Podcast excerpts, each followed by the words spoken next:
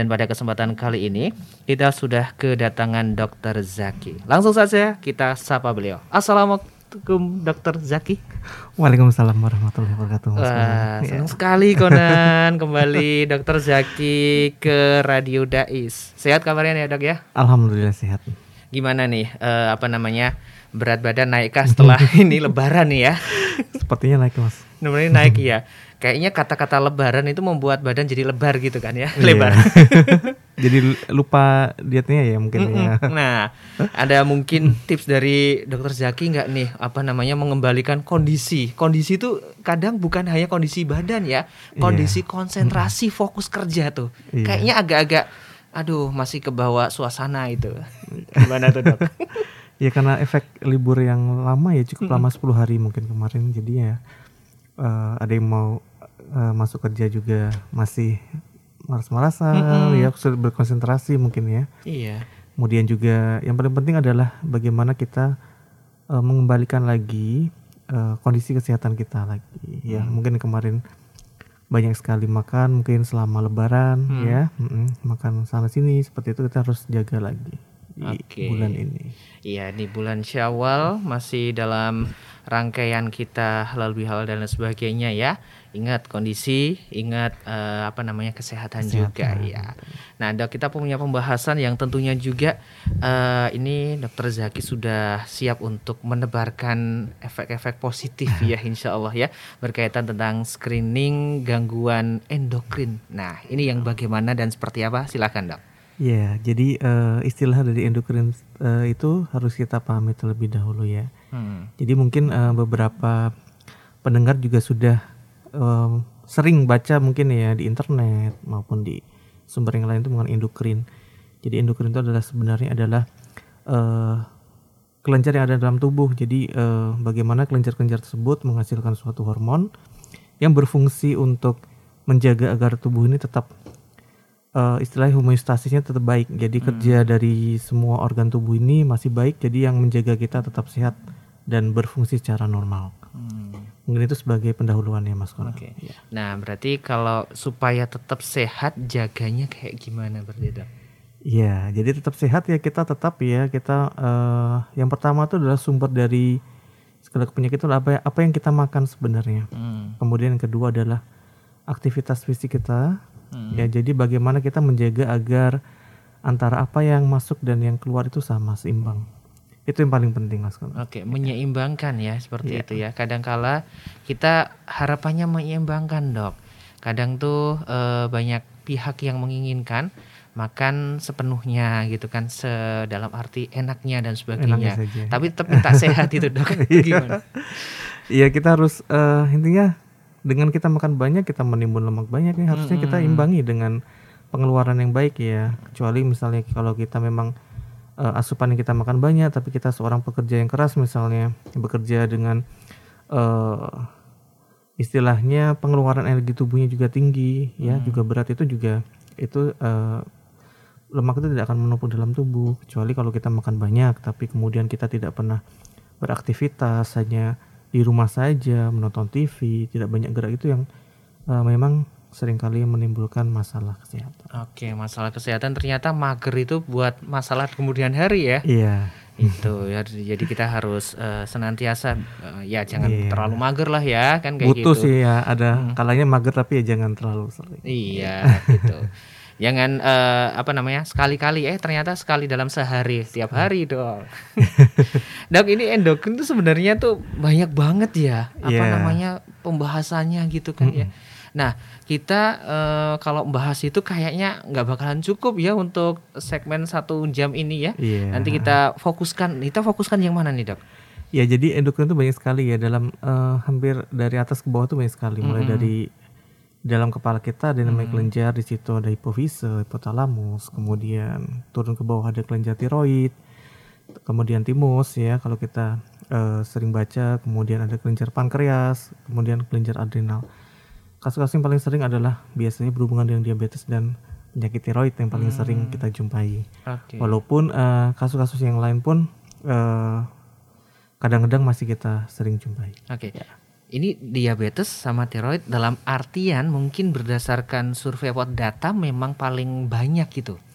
Uh, kalau diabetes memang banyak sekali, hmm. ya. Yeah, jadi angkanya uh, semakin tahun itu semakin meningkat, hmm. ya. Yeah, karena apa? Karena perubahan gaya hidup, hmm. ya. Yeah. Seperti uh, tadi saya jelaskan, jadi lebih banyak sekarang misalnya kita uh, beli makan yang siap saji, hmm. hmm, hmm. kemudian terlalu banyak makan, ya obesitas, overweight kemudian jarang berolahraga hanya di rumah main uh, main HP main hmm. gadget ya nonton TV tidak banyak gerak itulah yang sebagai suatu cikal bakal terjadinya suatu diabetes yang tipe 2. Oke. Ya. Nah, diabetes ini sendiri menjadi momok ya bisa dibilang seperti itu. Saya pun juga pribadi agak deg-degan karena kayaknya nih ada nih faktor keturunan dan lain sebagainya seperti itu. Dok, uh, kalau diabetes sendiri itu sebenarnya tidak memandang usia kah atau sebenarnya startnya itu dari usia sekian gitu dok? Iya, jadi uh, untuk diabetes memang kita harus kita bedakan dulu Mas Kunan. Hmm. Iya. Apakah itu suatu diabetes tipe 1, tipe 2, hmm. kemudian diabetes uh, gestasional artinya terjadi pada wanita hamil maupun tipe yang lain. Nah, untuk yang usia itu tergantung jenisnya apa. Jika itu suatu diabetes yang tipe 1 itu biasanya mulai pada usia anak-anak hmm. atau dewasa muda. Namun untuk yang diabetes tipe 2 itu biasanya pada usia yang uh, lebih lanjut artinya ya. Seringkali di atas 40 tahun itu. Karena apa? Karena penyebabnya pun berbeda hmm. ya. Kalau suatu yang sering kita jumpai adalah diabetes yang tipe 2 tipe paling 2 sering ya. ya. Itu apa cikal bakalnya? Seseorang dengan overweight, obesitas ya akan terjadi suatu uh, resistensi insulin di situ. Itu merupakan suatu cikal bakal utama terjadinya diabetes tipe 2. Oke, berarti cikal bakal ini sendiri adalah sesuatu hal yang memang dibawa karena kebiasaan dan pola hidup yeah. ya seperti Jadi itu ya. memang ya. uh, sesuai dengan topik kita hari ini screening ya. Hmm, Mungkin uh, seseorang dengan kedua orang tua misalnya atau salah satu orang tua yang diabetes, keturunan diabetes itu memang memiliki resiko yang uh, lebih tinggi lebih untuk tinggi. terjadi diabetes. namun juga tetap kita kembalikan ke faktor lingkungan. Artinya bagaimana orang tersebut bisa uh, mengontrolnya sendiri. Misalnya walaupun orang tuanya sudah diabetes tapi hmm. dia aktivitasnya fisiknya baik, olahraga baik, mengatur pola makan itu juga belum tentu uh, dia bisa aja dia tidak tidak menderita diabetes. Jadi memang faktor lingkungan itu lebih utama dibandingkan okay. faktor genetik ya. Dok sebelumnya nih screening tuh bahasa gampangnya tuh apa sih sebenarnya screening tuh? Screening kayak penapisan mungkin ya hmm. atau penyaringan ya. Penyaringan nah, ya. Jadi seseorang dengan uh, seperti contohnya adalah seperti tadi ya Mas ya seseorang dengan uh, kedua orang tuanya diabetes atau salah satu orang yang diabetes ya itu kapan kita lakukan screening itu artinya hmm. kita bagaimana kita melakukan pemeriksaan yang lebih awal pada pasien tersebut atau orang tersebut untuk uh, menjaring artinya adalah untuk uh, mengetahui secara dini apakah dia memang menderita diabetes atau tidak? Itu seperti itu. Jadi penyaringan. Oke okay, penyaringan ya iya, untuk antisipasi ya. Antisipasi betul iya. sekali. Jadi kita tahu dan sebagainya. Nah kapan dok sebenarnya waktu screening hmm. ini? Kadang kan e, menjadi kebiasaan mohon maaf mungkin kalau salah atau gimana. Iya. ketika kita sudah mengetahui sakitnya rasanya kayak gimana hmm. gitu. Baru kita lakukan tes kita iya. lakukan pengobatan. Itu gimana sih sebenarnya? Iya jadi screening adalah yang pertama adalah pada seorang dengan yang ada riwayat keluarga terutama hmm. ya orang tuanya ada diabetes dalam hal ini ya hmm. itu kita bisa lakukan screening terutama pada usia-usia di atas 40 tahun hmm. kemudian seorang yang obesitas yang gemuk hmm. kemudian uh, misalnya wanita dengan riwayat diabetes ketika hamil ya hmm. itu juga uh, kita harus melakukan screening ulang apakah dia menderita DM yang tipe 2 ataukah tidak hmm. ya jadi memang faktor-faktor uh, seseorang dengan background atau latar belakang dengan faktor-faktor risiko diabetes itu harus dilakukan screening. Oke, seperti itu ya. Iya. Nah, screening ini sendiri untuk sebenarnya berbagai penyakit kita bisa lakukan sebenarnya di bawah usia 40 tahun nggak sih dok supaya aku nih sakit apa sih? Kalau uh, sakit itu sebenarnya oh ini iya. ada kemungkinannya bisa dicegah sedini mungkin bisa nggak sih? Iya, memang sebenarnya ya bisa-bisa aja sih mas, tapi hmm. kan ya kita melihat uh, faktor risiko tadi hmm. nah, sebenarnya kalau kita mau screening sendiri artinya mau general check up ya boleh hmm. sih hmm. nggak ada larangan sih hmm. oh, tapi kalau screening sendiri ya kita lakukan pada memang seseorang dengan adanya faktor risiko baik itu keluarga atau dia sendiri untuk kita tujuannya apa sih antisipasi. Jadi sedini mungkin kita bisa berikan terapi atau pengobatan untuk mencegah komplikasinya lebih lanjut seperti itu Oke. sebenarnya. Nah, screening eh, pribadi itu sebelum ke dokter apakah kayak ini, Dok? Dulu bapak saya punya penyakit ini, ibu saya ini. Wah, berkemungkinan ini. Kayak gitu kayak kita data kayak gitu tuh apa namanya untuk pencegahan sedini mungkin atau eh, terlalu lebay lah atau bilang kayak gitu atau gimana sih? Iya, jadi screening ya kita harus eh, lengkap ya. Kita lakukan anamnesis, artinya kita menanyakan ataukah misalnya seorang dengan background keluarga diabetes, kita tanyakan apakah ada eh, gejala-gejala diabetes pada pasien itu, seperti itu. Itu kita artinya kita melakukan anamnesis ya. Anamnesis itu kita mencari data, Data ya. data dari pasien. Kemudian eh kita lanjutkan dengan pemeriksaan laboratorium itu juga dan pemeriksaan fisik ya laboratorium kita cek misalnya gulanya berapa gula darah puasa dua jam setelah makan kan sering kali kita dengar seperti itu ya pasien cek gula darah puasa dua jam setelah makan atau diperiksa BA1C dalam Hmm.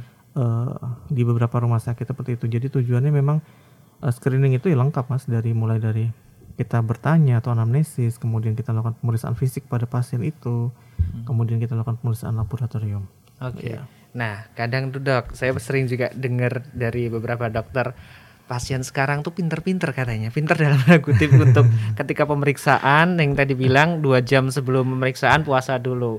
Tapi yang sebelum-sebelumnya itu makan minum, wah nggak karuan kayak gitu. Katanya juga ketahuan juga ya dok ya. Jadi nggak bisa dalam tanda kutip untuk memanipulasi gitu ya. Iya, jadi memang sering kali seperti itu. Jadi pasien sekarang udah kadang datang kita karena takut nanti dimarahin dokternya atau apa jadinya eh sebelum cek itu pun misalnya puasanya dilamakan Iya. atau nanti setelah apa diminta untuk makan ternyata dia kan setelah makan harus cek lagi tuh gulanya. Nah, ternyata dia tidak makan seperti itu sering kali seperti itu. Jadi pasien takut dimarahin dokternya. Dok ngomong-ngomong takut dimarahin, jadi imbasnya dokter galak ya. Enggak sih takut dinasihati lebih lanjut, Iya. lebih lengkap. lebih lengkap dan lebih panjang mungkin Iya. ya dok ya. Oke, padahal eh, apa namanya eh, nasihat dari dokter nanti juga harus ditaati oleh pasien dan biasanya juga diinfokan ke keluarga ya dok ya. Iya sering kali. Jadi Nah. memang kita eh, kalau bisa sih tetap ada yang mendampingi, Mendampingi ya. ya. Ah, terutama kalau pasien-pasien dengan usia lanjut itu Mm-mm. apa yang kita sampaikan kadang-kadang juga eh, tidak bisa diterima dengan baik ya. Akhirnya bulan depan misalnya kita suruh cek lab gitu nggak dilakukan. Jadi memang sebaiknya harus ada pendamping. Oke. Iya. Tapi ketika menginfokan juga anaknya atau cucunya dan lain sebagainya, nanti pasien yang mungkin sudah lanjut usia bilang, "Kamu kok sama kayak dokter ini?" gitu. Itu memang apa namanya eh, sudah biasa ya lebih baik dalam tanda kutip ditegur supaya mentaati maksudnya minum obat dan Iya, pola yang lain obat, daripada nanti eh, terjadi hal-hal yang tidak diinginkan seperti itu ya. Iya, jadi memang eh, kita kan tidak hanya edukasi, masih memberikan pengertian mengenai bagaimana sih minum obat itu kan tidak tidak eh, terutama dengan hubungan dengan diabetes atau Hmm. gangguan endokrin itu kan kita kontrolnya harus rutin, atur pola makan seperti apa, kemudian aktivitas fisiknya seperti apa. Dan kalau itu pasien usia tua tuh harus ada istilahnya pendamping untuk minum obat. Jadi jangan eh, namanya us- usia tua sudah lupa, kemudian tidak ada yang mengingatkan minum obat itu kan juga eh terapi yang sudah kita berikan kalau tidak diminum sama saja mas. Jadi memang harus ada kalau bisa pendamping. Jadi begitu pasien datang kita lakukan edukasi pada pasien dan pada keluarganya. Kita jelaskan secara rinci dan lengkap eh, sampai mengerti dan Oke. paham. Nah, biasanya dok screening itu apa saja sih yang dilakukan? Kadang tuh orang kayak, wah ini nanti disuntik, apalagi kan keadaan mohon maaf ada beberapa orang ah nggak mau disuntik, padahal kan semua nggak nggak mesti disuntik kan tidak mesti ya? suntik ya. Jadi screening itu penyaringan mas. Jadi kita melakukan pemeriksaan ya tadi wawancara, kita lakukan pemeriksaan fisik, artinya Hmm. kita cek mulai dari atas sampai bawah, kemudian termasuk kita eh, melakukan penimbangan berat badan, Hmm. tinggi badan itu termasuk screening loh. Kemudian kalau setelah itu bisa dilanjutkan pemeriksaan laboratorium ya, pemeriksaan darah, pemeriksaan urin seperti itu. Lama nggak sih dok? Kayak gitu tuh maksudnya prosesnya. Kadang tuh wah kayaknya lama kayak gitu. Nanti aku bosen di rumah sakit gitu tergantung sebenarnya apa Tergantung lab ya. yang dibutuhkan kan. Setiap Hmm. pasien pasti beda beda setiap orang ya iya.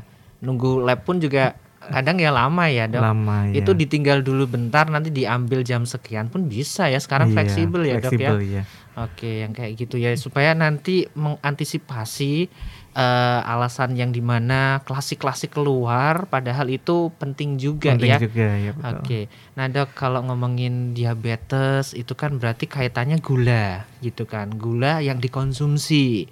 Nah ada juga di masyarakat, oh diganti gulanya pakai rendah kalori lah Kalori, inilah dan iya. sebagainya pakai mohon maaf gula batu dan sebagainya. Sebenarnya itu memang ngefek atau sama aja sebenarnya dok? Jadi seorang dengan diabetes itu kita eh, yang paling utama adalah pengaturan pola makan. Pola ya. makan. Oh. Jangan sampai misalnya eh, seorang dengan diabetes terus dalam pikirannya sudah, "Oh, udah saya tidak usah makan aja itu juga salah mas. Hmm. Ya. Kurangilah porsi makan sehari tetap tiga kali. Kemudian kita berikan makanan selingan Hmm. dengan buah-buahan yang dianjurkan ya. Kemudian penggunaan gula-gula yang kira-kira eh, apa misalnya gula yang tidak tinggi yang ada di pasar itu ya di Hmm. pasaran itu ya Iya. yang berbagai merek itu ya bisa sih kita Hmm. eh, berikan pada pasien. Memang kalau untuk gula pasir atau gula batu emang masih tinggi itu masih gula. tinggi ya gitu ya oke dan berarti image eh, oh eh, gula tinggi itu bukan berarti stop ya dok ya Iya. kalau stop nanti dilemes katanya Iya. Jadi salah kaprah bisanya kok eh, karena DM terus tidak makan tuh salah ya. Tetap Hmm. kita makan. Cuman kita diatur porsinya. oke nah untuk porsi ini sendiri memang dari tiap pasien sendiri-sendiri juga ya dok ya Iya, tergantung. itu kadang tuh makanya saya pribadi semua tuh saya kembali ke pribadi gitu dok waktu sama dokter Diana katanya itu Mas Konan berarti udah apa namanya harus banyak mengurangi Iya. gula kayak gitu nah dok gimana nih saya aja kayaknya minum tanpa manis kayaknya lemes dok sambil kayak gitu jadi ibarat kata eh kita mungkin kalau belum bisa apa namanya total mungkin sedikit demi sedikit juga dibolehkan ya dok ya Iya, jadi memang setiap pasien, setiap orang Hmm. penderita diabetes ya dalam hal ini tuh emang kita tidak bisa menyamakan dengan satu orang dengan orang lain Hmm. ya. Tergantung dari eh, penyakit yang ada. Hmm. Biasanya diabetes sudah ada komplikasi ya. Apa sudah ada komplikasi di mana di ginjal di dan lain-lain itu berbeda. Jadi memang kita pengaturan makannya pun berbeda. Dan biasanya memang eh, kita anjurkan kalau seorang sudah diabetes itu ya kita konsultasikan ke ahli gizinya. Jadi untuk mendapatkan terapi nutrisi medis yang sesuai pada pasien itu. Oke, berarti screening pun juga berfungsi untuk menentukan ya, menentukan dalam artian, oh nanti cocok dan pasnya sesuai pasien ini berdasarkan hasil lab dengan dari eh, apa namanya ahli gizi makannya ini ini ini gitu ya dok. Ya, jadi screening itu adalah kita menjaring mas, Hmm. penyaringan ya. Seseorang dengan faktor risiko seperti yang saya Hmm. jelaskan tadi, faktor risiko diabetes keluarga ada, Hmm. kita lakukan penyaringan tadi. Jadi tujuannya adalah kita untuk oh kalau memang sudah memang ada diabetes di awal itu kita tangani secara lebih cepat, Lebih dan cepat. lebih awal untuk menghindari komplikasi. Hmm. Screening tujuannya seperti itu. Oke, berarti bisa sedini mungkin Sedini atau mungkin ya. mungkin kalaupun dalam artian sudah eh, mempunyai resiko yang lainnya bisa dicegah, Dicegah. tidak lebih parah lagi ya Iya, seperti itu. sekali. Itu kalau untuk yang diabetes, kalau yang satunya tadi tiroid ya. Tiroid Iya. apa tuh, Dok? Tidak itu ya kelenjar ya, jadi kelenjar Kelenjar. di leher mungkin. Mhm. Nah, beberapa mungkin pendengar di sini juga sudah familiar ya Mhm. kelenjar tiroid, kelenjar gondok, Gondok Hmm, ya, iya. yang besar gitu di kan. leher, di ya leher. bentuknya seperti kupu-kupu mungkin Hmm. kalau pernah baca ya. Itu Hmm. emang eh, seperti dijelaskan saya tadi, jadi untuk endokrin sendiri sebenarnya adalah suatu kelenjar yang semua tubuh termasuk saja tiroid itu dia eh, fungsinya untuk mengatur fungsi tubuh, mengatur bagaimana metabolisme tubuh ini bisa berlangsung secara normal. Hmm, Ya, untuk menjaga agar kita selalu sehat. sehat Seperti itu. ya. Ya. Oke. Nah, katanya kalau eh, tiroid gondok itu berarti kekurangan. Eh, kekurangan apa kelebihan dok ya? Tergantung. Tergantung, oh. Ada bisa kelebihan atau kekurangan. Oh, Iya. gitu. Jadi tidak tidak selalu kekurangan. Mm, mm, mm. Kalau dulu itu ketika masih kecil tuh, oh gondok karena kurangnya Iya. gitu. Ternyata Itu, itu secara asumsi publik ya seperti itu ya. Jadi tidak sebenarnya kelenjar tiroid itu kita kenal ada listnya hipertiroid dan hipo. hmm, Hiper itu artinya berlebihan. berlebihan. Kalau hipo tuh kekurangan hormon tiroid Hmm, gitu. Kalau normal namanya eutiroid. Oh gitu. Nah, eh, kita tahu tuh harus melalui pemeriksaan atau mungkin kita pegang-pegang sendiri gini-gini. Oh kayaknya nganu nih normal nih gitu. Jadi memang eh kita lihat dulu ya tetap ya. Nah, kita lakukan anamnesis, kita lakukan istilahnya wawancara, Hmm. keluhannya apa, kemudian eh, apa terkait dengan gondok itu ya. Hmm. Apakah ada pembesaran ataukah tidak, apakah ada gejala-gejala lain yang pada pasien itu. Kemudian setelah itu baru kita naik banding. Kalau memang ada sesuatu abnormalitas menurut kita dari kita wawancara itu, kita lakukan pemeriksaan fisik nih.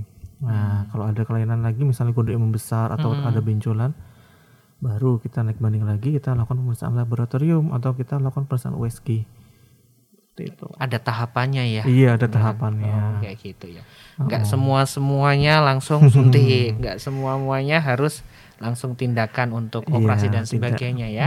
Oke, dan ini juga eh, para monitor dais semakin lama itu dengan hadirnya dialog dokter tuh tambah oh gitu toh, nggak Iya. jadi takut. Enggak terjadi takut ke dokter ya. iya, ini yang jawab langsung dokter loh, bukan eh, sekedar apa Iya. namanya opini atau mungkin baca artikel yang Jadi, belum tahu gitu kita kan. memba- kita melakukan tindakan itu pasti ada dasarnya Hmm. ya dan tidak langsung tiba-tiba langsung di misalnya dioperasi Iya, atau di apa iya. itu tidak Oh, oh. Iya. nanti kalau memang eh, dari indikasi memang mengaruh seperti itu ya kita sampaikan Hmm. itu pun harus ada misalnya eh, pasien itu menolak ya enggak apa-apa Hmm. Oh, oh. kita hanya memberikan solusi terbaik ya tapi tidak semuanya harus misalnya tiroid kok apa operasi gitu ya yang dikenal di awam itu enggak, Tidak tidak harus operasi Iya. itu, iya.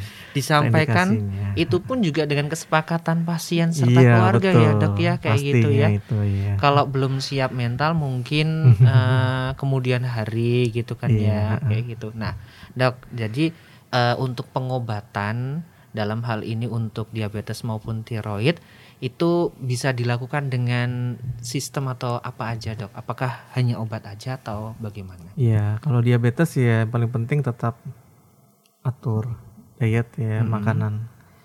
Aktivitas tetap dijalankan, aktivitas fisik berolahraga. Yang ketiga baru obat-obatan ya. Kalau untuk tiroid tergantung, Mas. Mm-mm. Tiroidnya itu itu luas sekali ya. Sebabnya apa? Apakah suatu autoimun, suatu eh cancer atau keganasan ya ataukah suatu karena suatu infeksi saja tuh sangat luas, Luas sekali. sekali ya. Jadi ya pengobatannya tergantung dari Kondisinya. tergantung dari jenis sakit Jenisnya. tiroid itu apa, heeh, diagnosanya apa. Jadi masing-masing memang berbeda-beda. Assalamualaikum Radio Is. Waalaikumsalam. Ini sama siapa? Ini Mas siapa ini? Dengan Conan ini. Oh, Mas Bonan. Iya, dokternya Dokter Zaki ya. Iya. Assalamualaikum, dokter. Waalaikumsalam Bu. Iya. Ini mau tanya. Nggih. Umur saya udah 71. Nggih. Ya enggak tahunya apa diabetes apa enggak. Yang Iya. penting segalanya tak kurangi dokter.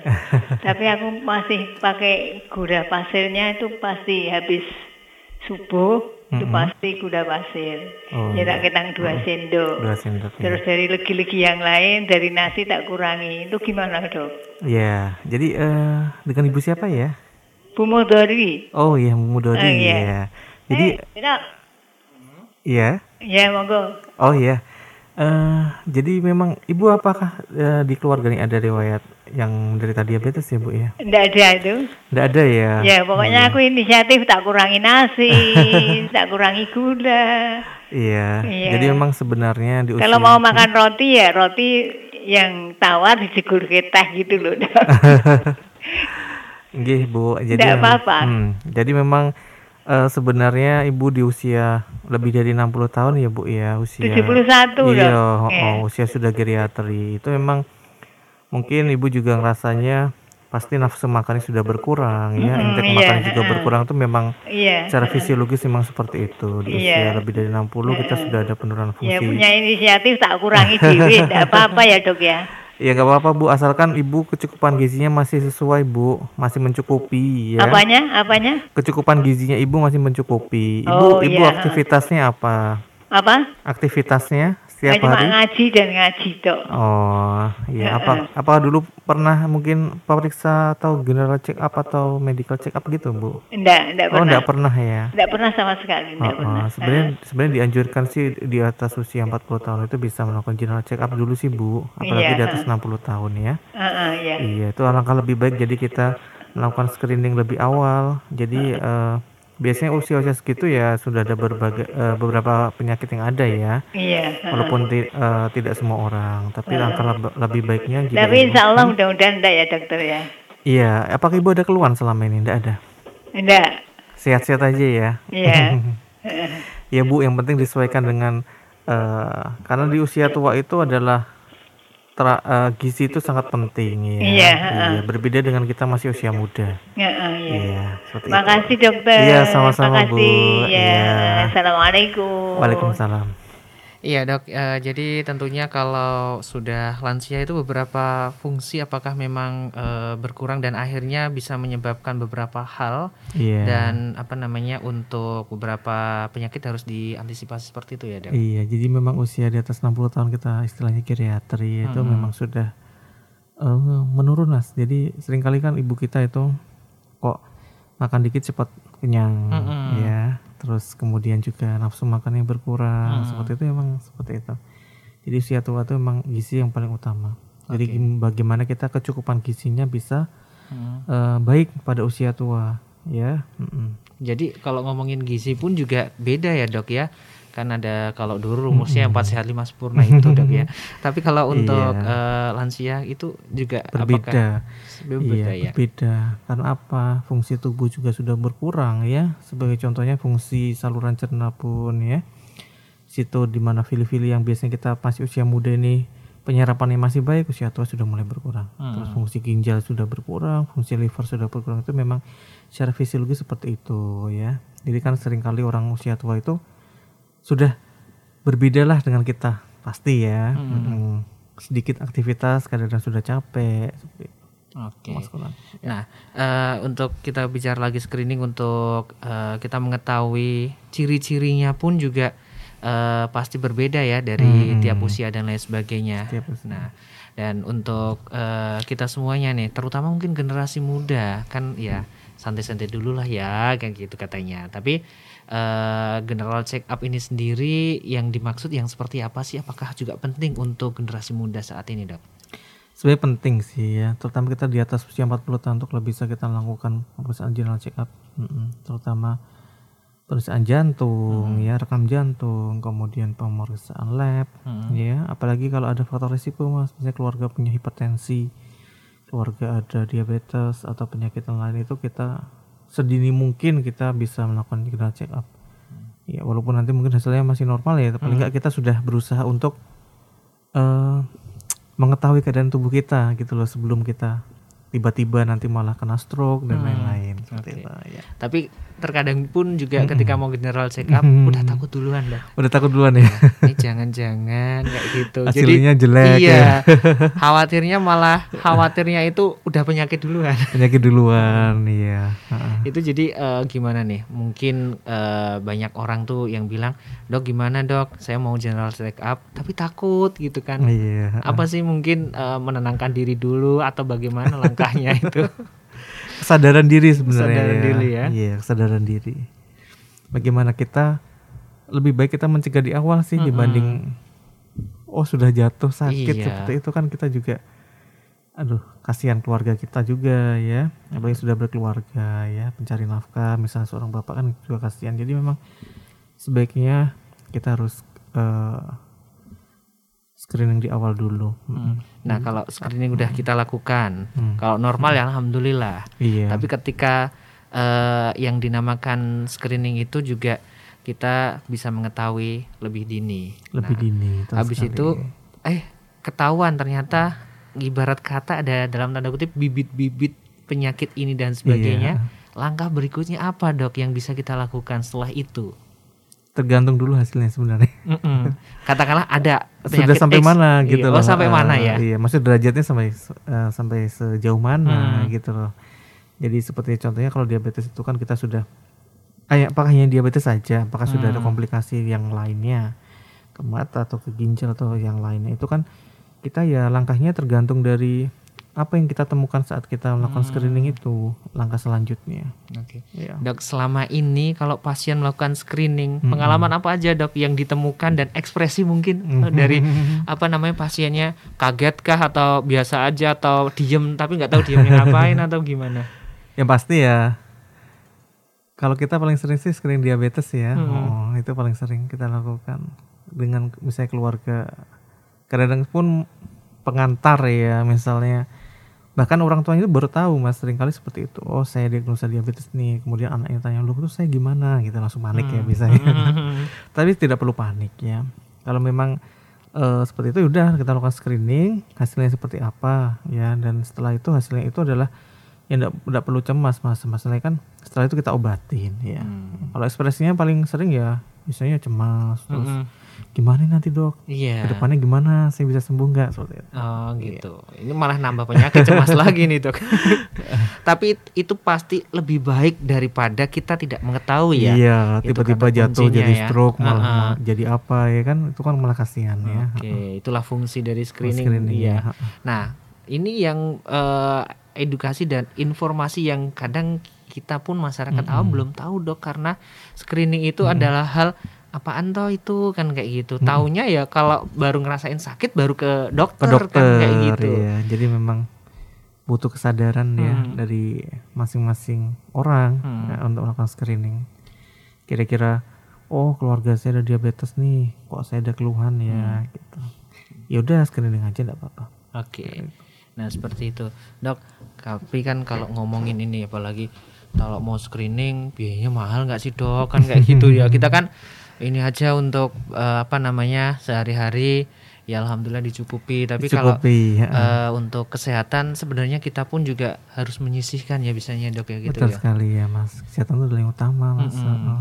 kalau kita nggak sehat mm. gimana kita mau aktivitas yang Betul. lain bagaimana kita mencari nafkah Mm-mm. kita bekerja yang utama adalah kesehatan Iya. Karena kan jangan sampai kita kan aktivitas Mm-mm. eh sakit. Naudzubillah. Eh, rezeki yang dititipkan malah untuk berobat, dalam Berobat, arti iya. karena kan kita berkegiatan untuk mencari sehat. mencari nah, sehat ya menyisihkan itu biasa kita lakukan untuk setidaknya ya mengetahui lah ya kan kayak seperti itu. Apalagi mungkin sudah merasakan di beberapa bagian sakit terus dan sakitnya meningkat kayak gitu bisa langsung kita lakukan pengobatan atau ngetes ya dok ya. bisa sih kalau itu kan sudah bukan screening lagi namanya iya ya, udah ketahuan. Wah ini udah pasti Iya, nih ya. udah pasti Kan kayak gitu. Mm-mm. Dok, eh, apa namanya? Kan dari screening itu udah kita ketahui pengantisipasian dan lain sebagainya.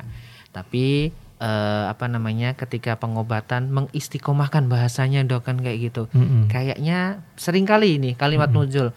Saya sudah merasa sehat. Mm-mm. Itu bahaya juga nggak sih dok? tergantung mas Hmm. seorang dengan diabetes ya nggak bisa Mm-mm. lagi maksudnya kembali ke normal nggak bisa Hmm. bisa tapi namanya udah terkontrol Terkontrol kalau sembuh ya.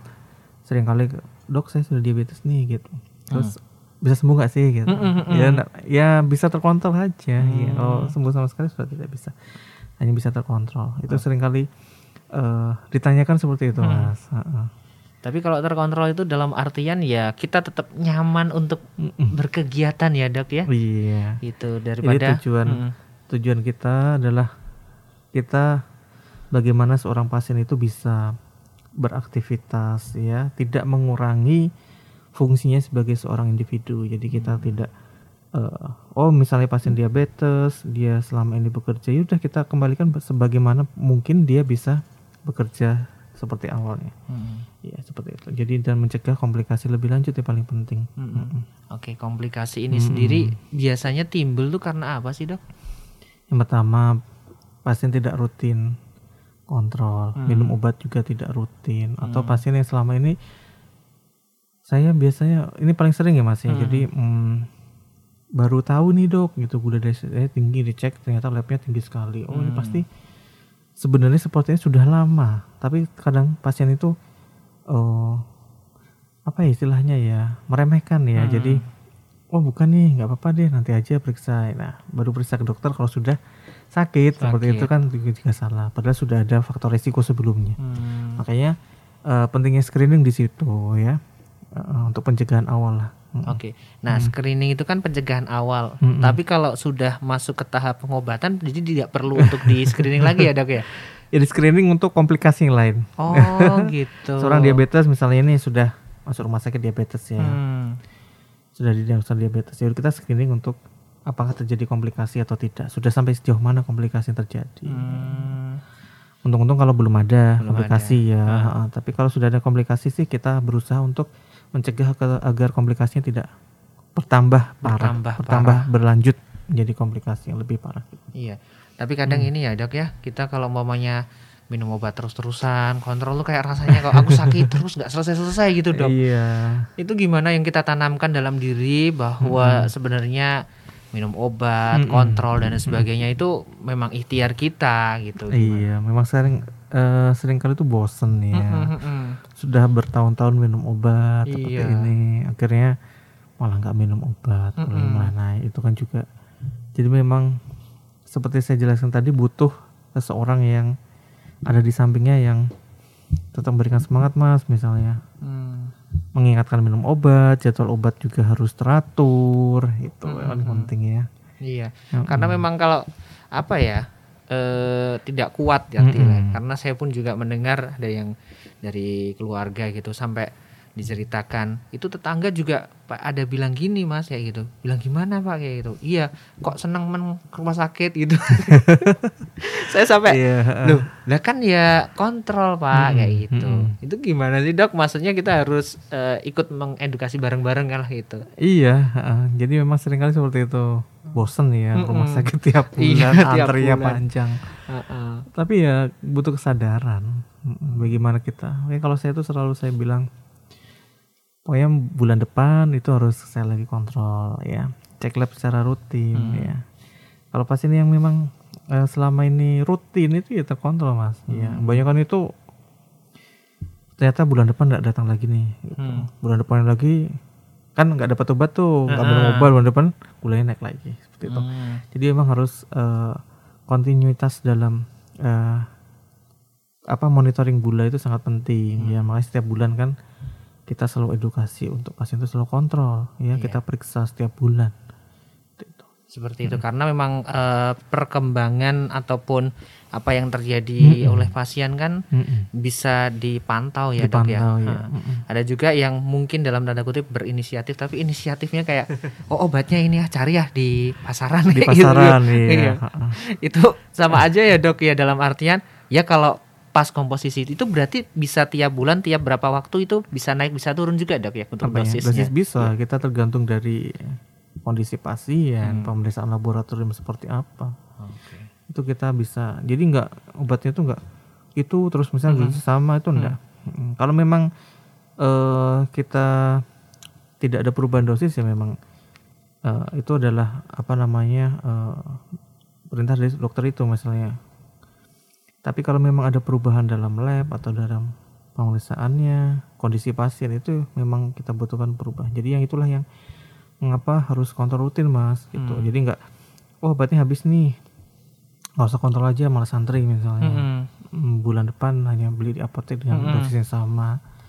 Itu bukan seperti itu sebenarnya. Berarti Kita konsepnya tetap pantau ya. Iya. Mm-mm. Datang kontrol untuk Iya. mengetahui dipantau dan diberikan obat sesuai kondisi pada saat itu ya. Iya dan hasil laboratoriumnya paling penting. Iya. Nah, paling penting ini yuk sama-sama gitu kan ya. Mm-mm. Apalagi ketika kita sudah dalam tanda kutip memang dititipi sama Allah penyakit ataupun juga mungkin dengan hal itu, Hal itu ya. kita bisa senantiasa berikhtiar berdoa eh, dengan eh, penyakit tersebut kita bisa ikhlas menerima takdir ya dok ya.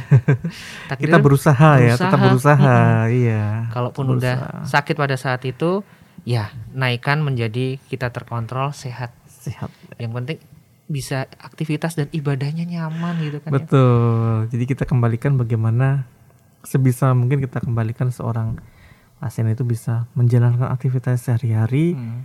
dengan tanpa terganggu mas itu tujuan kita seperti itu Oke, nah dok, eh sering kali nih dok, kayak tadi dokter jawab pertanyaan gitu, terus suaranya itu kok banyak yang bilang ini saya nggak yang bilang sendiri ya dok, apalagi saya ketemu dengan beberapa dokter, kok suaranya kayaknya temponya nadanya kayak gitu, itu waktu dulu sebelum jadi dokter emang dilatih untuk vokalnya kayak gitu atau gimana Ya, sih dok? lah, udah memang dari sana.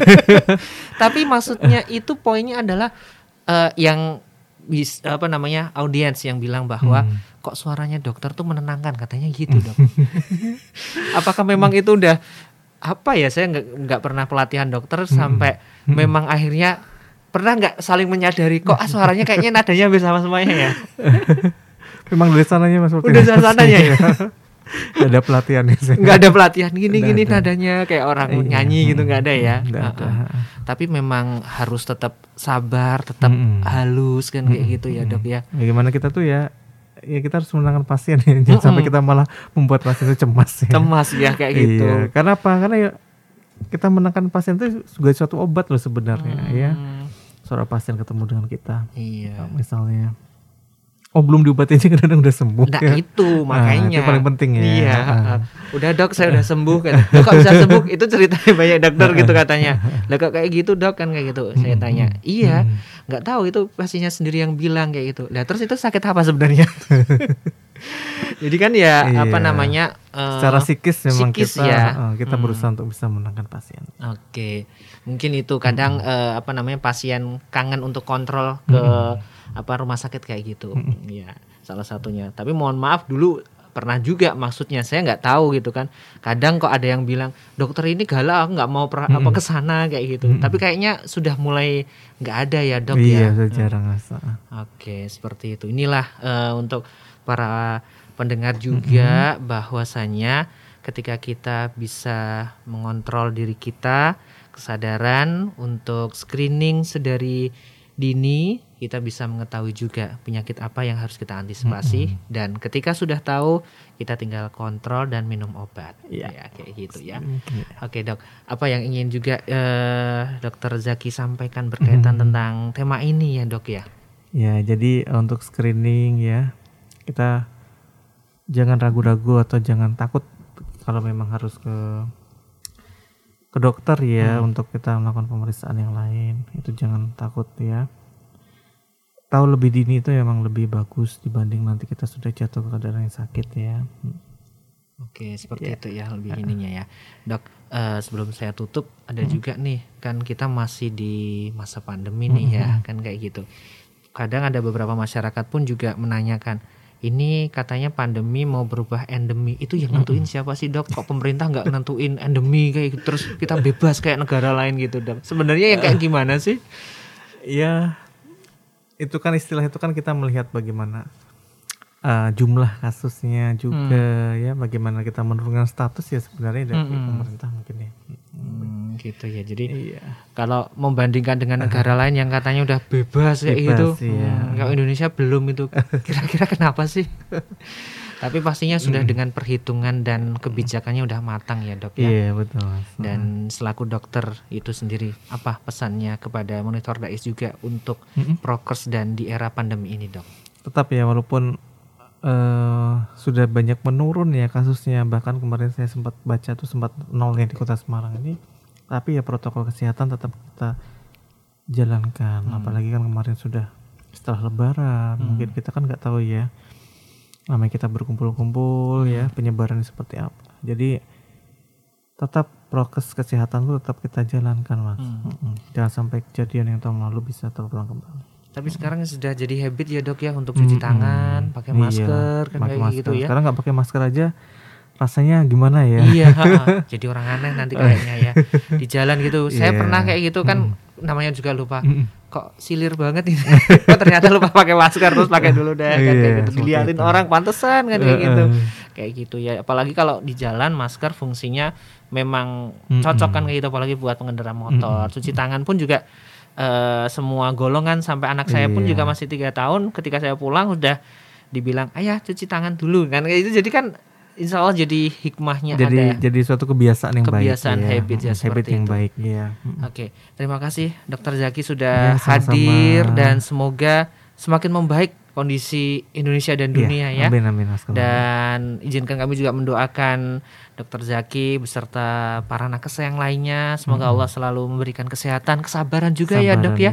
Ah, kalau pasiennya mungkin apa namanya eh, kebetulan pas bingungi gitu tetap sabar, tetap ikhlas kan kayak gitu dan semoga juga Allah nanti menempatkan juga eh, Dokter Zaki dan juga para nakes di tempat yang terbaiknya nantinya kayak gitu. Amin amin ya robbal alamin. amin ya Aku mengucapkan banyak terima kasih dan mohon maaf atas segala salah kata yang kurang berkenan di hati Anda. Sampai jumpa di kesempatan lain lebih berbahagia. Wal. Wassalamualaikum warahmatullahi wabarakatuh.